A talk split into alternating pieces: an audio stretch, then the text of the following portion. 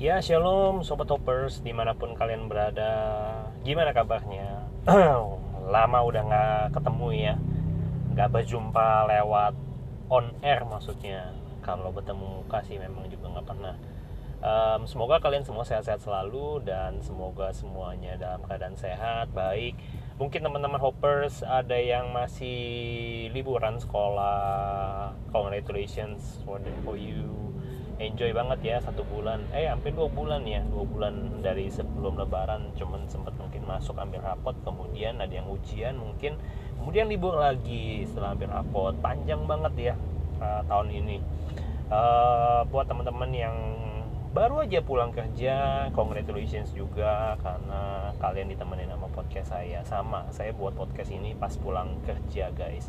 Dan macet banget uh, adet sih macet sih enggak tapi adet dan hari ini kesempatan ini saya mau berbagi uh, tentang sebuah sharing ya yang saya beri judul tentang keluarga guys.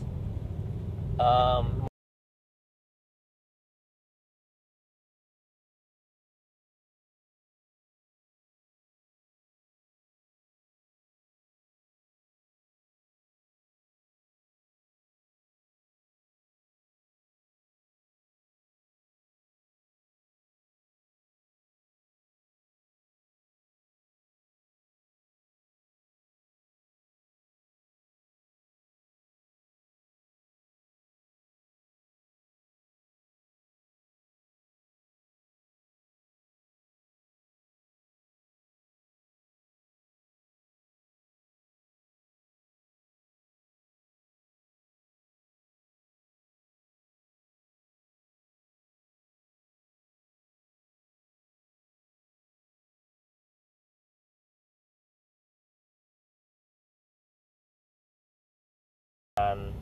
have fun ngobrol satu sama lain bercerita.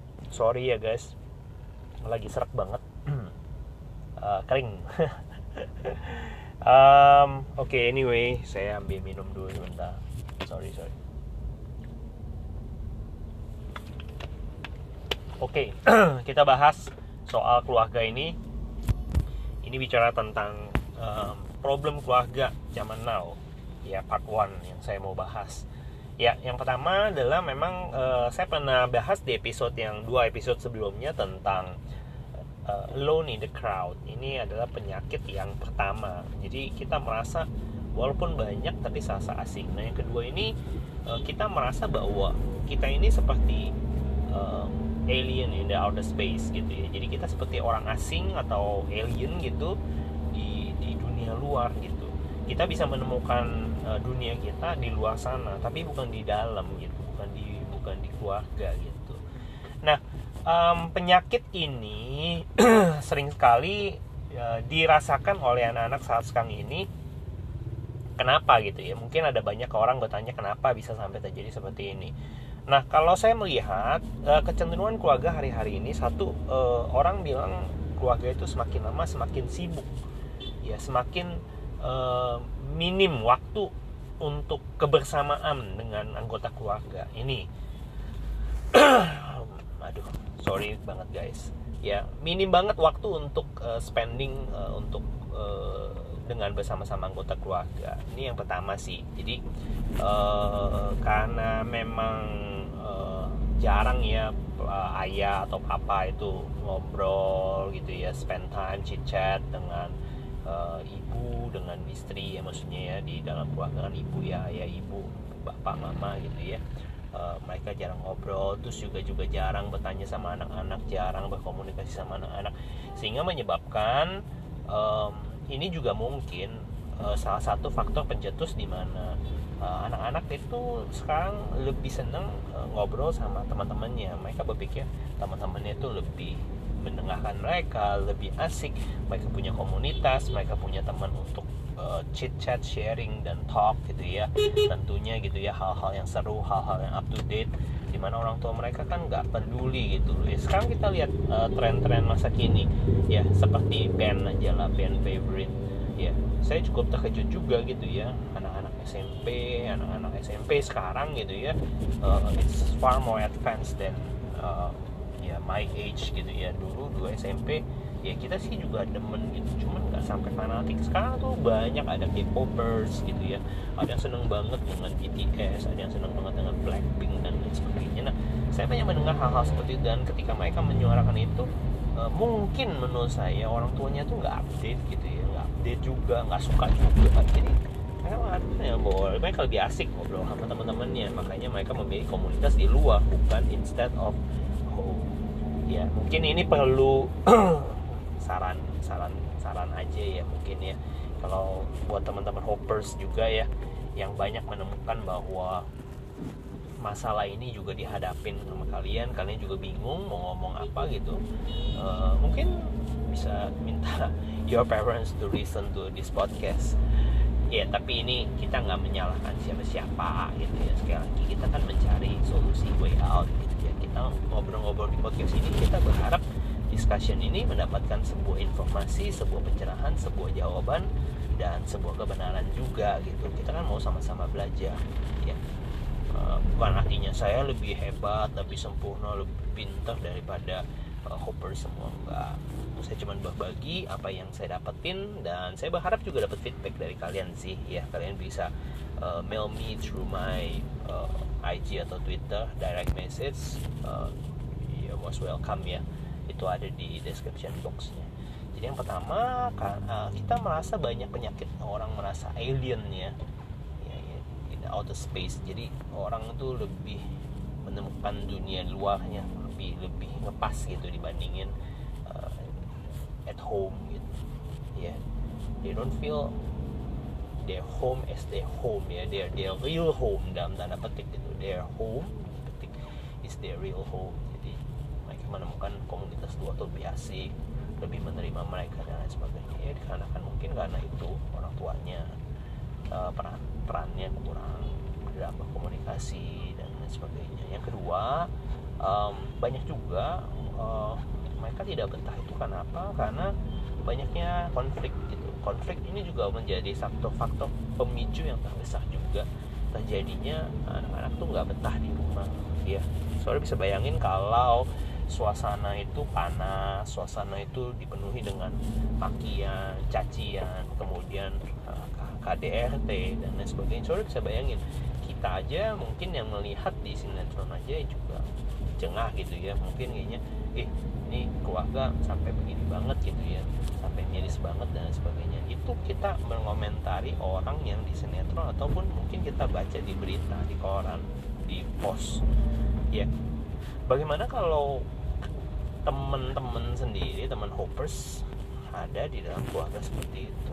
Pasti jauh lebih miris jauh lebih jauh lebih apa ya lebih stressful lah ya lebih distress tekanan lebih tinggi. Karena kita berpikir bahwa gimana mau gak apa ya gimana nggak mau orang kabur keluar mencari damai. Karena saya percaya bahwa anak-anak yang membutuhkan itu adalah satu kasih sayang penerimaan dan juga yang ketiga adalah perasaan damai gitu ya. Mereka merasa feel they feel themselves at home gitu ya. Jadi ada yang menaungi ada yang melindungi ada tempat di mana mereka bisa uh, feel safe kalau mereka tidak menemukan itu jangan pernah salahkan mereka kenapa mereka mencari komunitas di luar kenapa mereka lebih trust their friends than their parents gitu ya. Jadi ini ini sebuah hal yang saling terkait sebenarnya satu dengan yang lain. Nah, makanya kita harus um, sebagai orang tua juga perlu untuk mempertimbangkan ya dalam uh, penyelesaian konflik tentunya ya tidak baik konflik itu tidak diselesaikan. Karena saya juga pernah bahas bahwa konflik itu pasti akan ada gitu. Namanya orang berumah tangga berkeluarga nggak ada orang yang 100% itu tidak ada konflik. Ya yang ada menurut saya adalah rumah tangga atau keluarga yang bisa meredam meminimalisir terjadinya konflik. Itu saya percaya. Tapi tidak ada konflik sama sekali. Nggak nggak nggak nggak mungkin juga gitu ya. Karena saya pikir keluarga yang sudah lama berkeluarga pun kalau saudara pernah nanya sama mereka coba tanya om tante pernah pernah ribut nggak? Pernah konflik nggak? Saya pikir mereka pasti akan menjawab pernah. Cuman bedanya adalah cara mereka menyelesaikan konflik itu beda-beda ya. Saya kenal dengan mentor rohani saya yang yang dari gereja lama saya bahwa dia itu sangat kita tuh benar-benar ngelihat dan menambahkan keluarga dia tuh seperti kita lah gitu ya. Maksudnya keluarganya ideal banget harmonis. Uh, uh, si si om sayang sangat sama si tante om juga sayang sama anak-anaknya. Jadi gambaran keluarga ideal tuh terlihat banget deh gitu ya. Jadi seperti itu gitu. Nah um, ya balik lagi. Yang pertama tadi mungkin karena perhatian orang tuanya orang tuanya yang tidak update juga dengan dunia luar dengan kesukaan anak jarang komunikasi. Yang kedua adalah seringnya terjadinya konflik di dalam rumah tangga atau keluarga gitu. Itu yang menyebabkan orang tuh nggak betah sih ya anak-anak nggak betah merasa bahwa uh, kayaknya ada yang apa gitu ya. Itu itu yang perlu diperhatikan sih. Yang ketiga mungkin um, kenapa anak-anak sekarang cenderungan punya keluar ya. Karena memang uh, saat sekarang ini menurut saya uh, saya mempelajari bahwa memang secara psikologis uh, usia-usia remaja itu usia-usia mereka di mana mereka mencari aktualisasi diri jati diri mereka. Mereka ingin diakui oleh teman-teman mereka. Mereka ingin diapresiat oleh teman-teman mereka. Mereka ingin mendapatkan sesuatu untuk uh, gimana sih mereka tuh uh, good at gitu ya. Jadi mereka ada yang sports ada yang music ada yang drama theater dan lain sebagainya. Ada yang suka uh, science ada yang suka social ada yang suka sastra ada yang suka ya banyak hal ya yang mereka mulai mencari jati diri mereka. Ya bahkan tidak jarang mereka juga mencari jati dirinya seperti gambaran-gambaran orang film gitu. Mereka melihat oh ini maco banget oh ini kelihatan cool ini kelihatan keren banget gitu ya. Jadi gak heran bahwa mereka menggunakan pattern-pattern panutan-panutan uh, orang di luar sana gitu. Jadi uh, mungkin ya kalau teman-teman lihat banyak juga ya orang orang-orang di luar gitu ya saat sekarang ini tuh uh, melihat bahwa oh ini kayaknya tato ini cool gitu ya. Karena banyak orang-orang di luar sana aktris-aktris atau aktor-aktor sekarang tato ya nah, orang menganggap itu cool gitu. Ya anting anting zaman sebelah gitu di atas di, di piercing gitu. Mereka tuh melihat cool gitu. Jadi mereka melihat bahwa contoh panutan di luar dan mereka mencoba mengaktualisasikan diri mereka seperti di luar. Nah ini perlu yang namanya uh, pengawasan sih uh, parental parental guiding gitu ya mungkin uh, pengawasan dan tuntunan. Kenapa? Um, ketika kita gagal untuk menggait mereka menjadi sahabat mereka menjadi teman sharing yang mereka butuhkan pada saat mereka usia menginjak usia remaja maka kita uh, kecenderungannya adalah uh, memang mereka itu akan lebih banyak pasti bertanya sama orang-orang di luar teman. Tapi kalau kita bisa menjadikan uh, ourselves parents gitu as their friends menurut saya akan sangat sangat-sangat menolong sekali gitu karena buat saya uh, secara pribadi gitu ya pada saat saudara itu gagal, saudara itu mengalami masalah, saudara mengalami tekanan bertubi-tubi, teman-temanmu mungkin akan meninggalkanmu. Orang-orang yang kau kasihi, hoppers, mungkin juga sahabat yang mengatakan dia sahabatmu, mungkin akan meninggalkanmu pada saat engkau terpuruk. Tapi ada satu yang tidak akan meninggalkanmu, yaitu apa keluargamu tapi kadang keluarga itu fail to show to show uh, our kids gitu ya our son and daughter that we care as a friend gitu. Jadi maksudnya uh, orang tua juga harus bisa menempatkan diri menurut saya sebagai seorang teman sahabat teman curhat bisa ngobrol. Ya saya senang banget kalau kita uh, masuk ke komunitas anak-anak muda gitu ya. Mereka bisa bercerita mereka punya cita-cita mereka punya keinginan mereka punya kerinduan mereka punya pengen melakukan ini dan itu. Hal-hal yang besar yang sepertinya kalau orang bilang wah uh, ini benar-benar idealis banget dan sebagainya. Tapi itu ada sesuatu hal yang di mana kita tuh perlu menempatkan diri kita sebagai their friends gitu ya.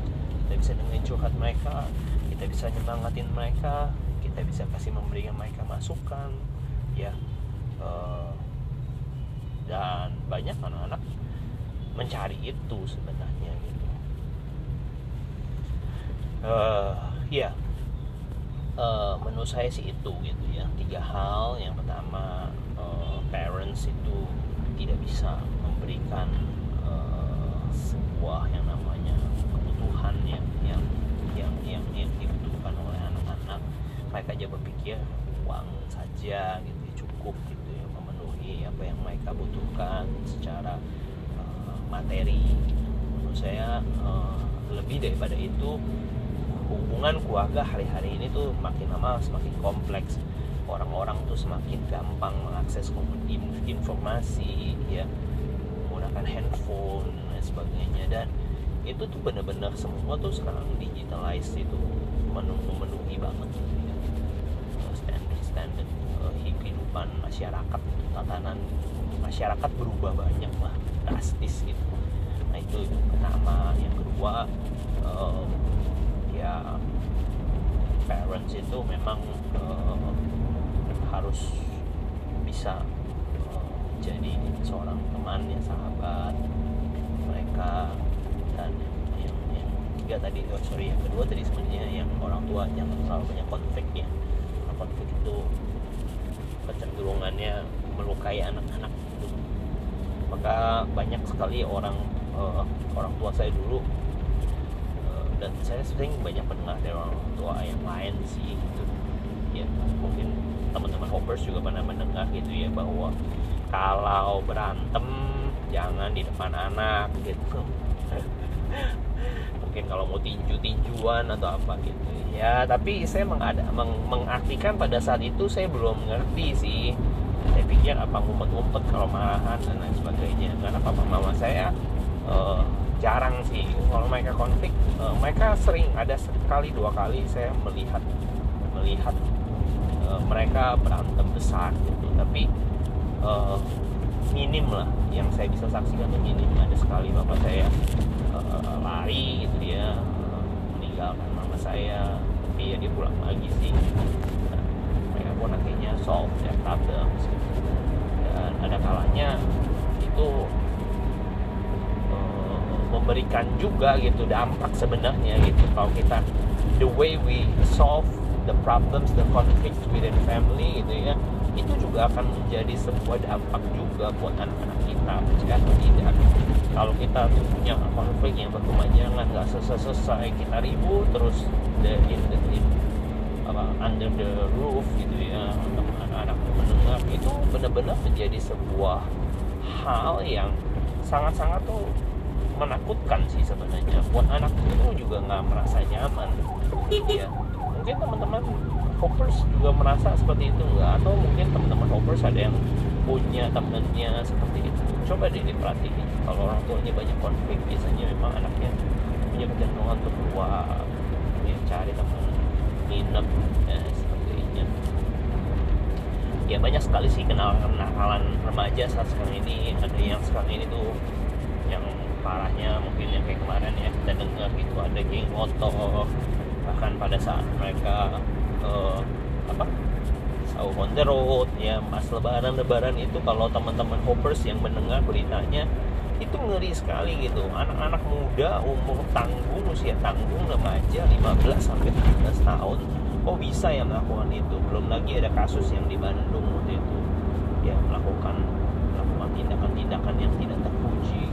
Dan kalau dilihat itu anak-anak remaja ya banyak sekali kasus-kasus kenakalan-kenakalan remaja. Kenapa mereka melakukan hal-hal seperti itu? Mereka bisa bergaul dengan komunitas yang salah bergabung di komunitas yang salah. Yuk cek satu-satu dengan keluarga kita masing-masing. Mungkinkah yang pertama orang tuanya tidak mengakomodasi yang menjadi kebutuhan anaknya? Gitu. Itu yang pertama. Gitu. anaknya butuh apa? Cuman kasih duit kasih lebih kecil lagi dia butuh orang tuanya cuek.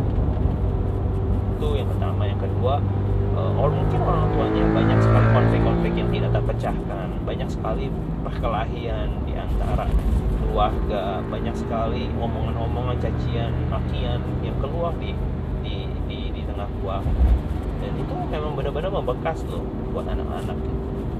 Jangan tanya kenapa anakku kasar. Ya dia kan contoh. Dia melihat. Ya yang ketiga tadi yang saya kan bahwa mungkin orang tuanya gagal untuk bisa menjadi teman teman untuk mendengar keluh kesah mereka. Ya apa pun yang yang terjadi orang tua kita perlu untuk belajar untuk menerima mereka ya mendengarkan mereka dan menerima mereka. Sekalipun mungkin pendapat mereka tidak sesuai dengan apa yang yang kita pikirin. Nah itu kan orang tua itu kan perlu uh, sebuah jiwa yang besar juga ya untuk mendengarkan dan ya merendahkan hati tentunya. Itu itu salah satu poin yang yang saya mau sharingin sih gitu. Jadi alasan kenapa uh, penyakit kedua tentang family an alien in the outer space. Jadi uh, merasanya bahwa ya kita itu nggak cocok nggak fit in di bumi keluarga lebih cocoknya di luar ya ya itu ya, semoga teman-teman hoppers juga bisa mengambil petikan sebuah informasi sebuah jawaban, sebuah kebenaran, ya. Dan saya mau berbagi satu hal seperti ini. Mungkin, mungkin ya ini mungkin, mungkin saudara saat sekarang ini tidak lahir di keluarga yang harmonis. Sekali lagi saya ulangi, mungkin sobat hoppers engkau saat ini tidak lahir atau ya tidak dilahirkan di dalam keluarga yang harmonis. Ya. Tapi saya mau berkata bahwa itu bukanlah sebuah alasan untuk saudara untuk melihat masa depanmu dengan pesimis gitu. Bapakku aja begini mamaku aja begini. Aku tidak punya role model. Tetapi justru saya mau berkata bahwa jangan-jangan keluarga harmonis itu akan dilahirkan lewat engkau istri suami dan keturunanmu. Mungkin engkau tidak merasakan keharmonisan di antara orang tua, Tetapi saya mau berkata bahwa tidak terbatas, tidak tertutup kemungkinan bahwa keluarga harmonis itu dilahirkan melalui engkau. Ya, engkau yang akan start the harmony, the harmony family, the happy family. Tuh. Jadi jangan pernah berkecil hati, jangan pernah kecewa. Ya. Terus berdoa andalkan Tuhan teruslah belajar ya pepatah orang bijak mengatakan bahwa mengalahlah sampai orang tidak bisa mengalahkan. Merendahlah sampai orang tidak bisa lagi merendahkan. Itu sebuah kalimat yang dalam sekali maknanya. Ya saya banyak belajar ya dan pada saat ketika saya merenungkan itu saya menyadari bahwa saya tuh banyak sekali kekurangannya. Dan saya masih belum sempurna jauh banget dari kata sempurna tetapi saya mau belajar. Saya mau lebih baik. Saya mau punya keinginan dan kerinduan untuk jadi seorang ayah seorang suami seorang kepala rumah tangga yang jauh lebih baik. Ya dan satu lagi yang saya mau pesankan standarnya adalah kebenaran Tuhan. Jangan pakai kebenaran masing-masing.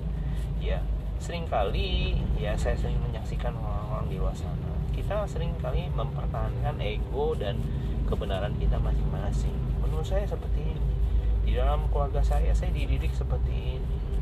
Ya tapi sekarang engkau sekarang kan sudah punya keluarga. Ya yang istri sudah punya keluarga sama suami. Artinya saudara sedang membentuk tatanan keluargamu dengan aturan yang disesuaikan dengan keluarga. Nggak bisa aturan daripada keluargamu diserta mertakan menjadi sebuah pakem standar untuk dijalankan. Ya lalu perundingan dengan pasanganmu pasangan hidupmu ya ayah ibu ya anak-anak ya. Jangan juga memandang bahwa anak-anak kadang-kadang memikir wah keluarga dia enak pi jalan-jalan bebas boleh main game sekolah nggak sekolah nggak penting dan sebagainya. Nah itu juga salah masing-masing orang saya menemukan masing-masing orang masing-masing keluarga punya aturan main sendiri-sendiri. Ya jangan pernah juga merasa bahwa orang tuamu begitu kolot dan sebagainya. Saya dulu berpikir sama hal yang sama. Tapi saat sekarang ini ketika saya melihat masa lalu saya saya banyak bersyukur loh. Orang tua saya ternyata banyak sekali melindungi dan membentengi saya dari pergaulan yang tidak semestinya saya lakukan ya saya banyak sekali ber, bersyukur boleh berkata bersyukur. Saya tidak terjerumus dengan yang namanya narkoba. Saya tidak terjerumus dengan yang namanya rokok. Saya tidak terjerumus dengan hal yang namanya uh, apa perempuan miras. Banyak sekali hal-hal yang menurut saya itu rentan banget loh zaman zaman SMP SMA tapi itu bisa melalui semua itu. Ketika saya flashback memang saya ada kekurangannya sih jadi kekurangan. Saya nggak gaul saya lupa saya sempat minder dan sebagainya. Tapi ada positifnya juga. Nah, gitu. Jadi uh, belajar melihat dari eh, sisi-sisi yang lain bahwa ada hal yang baik loh. Ya itu aja sih. Semoga sharing saya yang cukup panjang hari ini tentang alien in the outer space family problems buat sobat hoppers bisa bertanya juga kalau teman-teman hoppers ada punya masalah gitu ya. Ya siapa tahu gitu ya kita bisa belajar juga dari sobat hoppers. Mungkin juga ada pengalaman. Bagaimana sih solvingnya? Kayaknya deadlock communication dan lain sebagainya. Ya saya sih lebih banyak melihat bahwa dari sisi orang tua. Ya berarti ini cocok ya podcastnya untuk didengarin orang tua hoppers ya yang kalau memang yang sering tengkar yang gak fit in yang selalu bikinnya cuma duit duit cari duit dan segala macam. Ya suruh mereka dengar lah. Ya kalau buat teman-teman yang masih muda hoppers uh, saya cuma bisa pesan ya bahwa kita perlu yang tadi seperti saya bilang kita perlu bersyukur dan melihat dari kacamata perspektif yang lain bahwa orang tua kita tuh mengasihi kita gitu. Ya dengan caranya. Ya dan kita perlu uh, mendoakan mereka supaya mereka juga uh, diberkati Tuhan kesehatannya usaha pekerjaannya juga diberkati supaya apa? Supaya mereka juga boleh uh, merasakan menikmati jeripayah mereka ya. Dan kalau yang sering teka dan lain sebagainya uh, buat teman-teman gitu ya saran aja doakan mereka ya. Karena kita juga sulit sebagai anak untuk intervensi mereka sulit. Tapi kita kalau misalnya ada waktu yang pas kita bisa ngobrol kita bisa sharing kita bisa kasih tahu dan biasanya mereka tuh mau mendengar ya itu aja tidak ada yang mustahil bagi Tuhan menurut saya selama kita mau berdoa kita minta pertolongan Tuhan pasti ada jalan keluar God bless you all. Hoppers, see you in the next episode ya. Bye bye.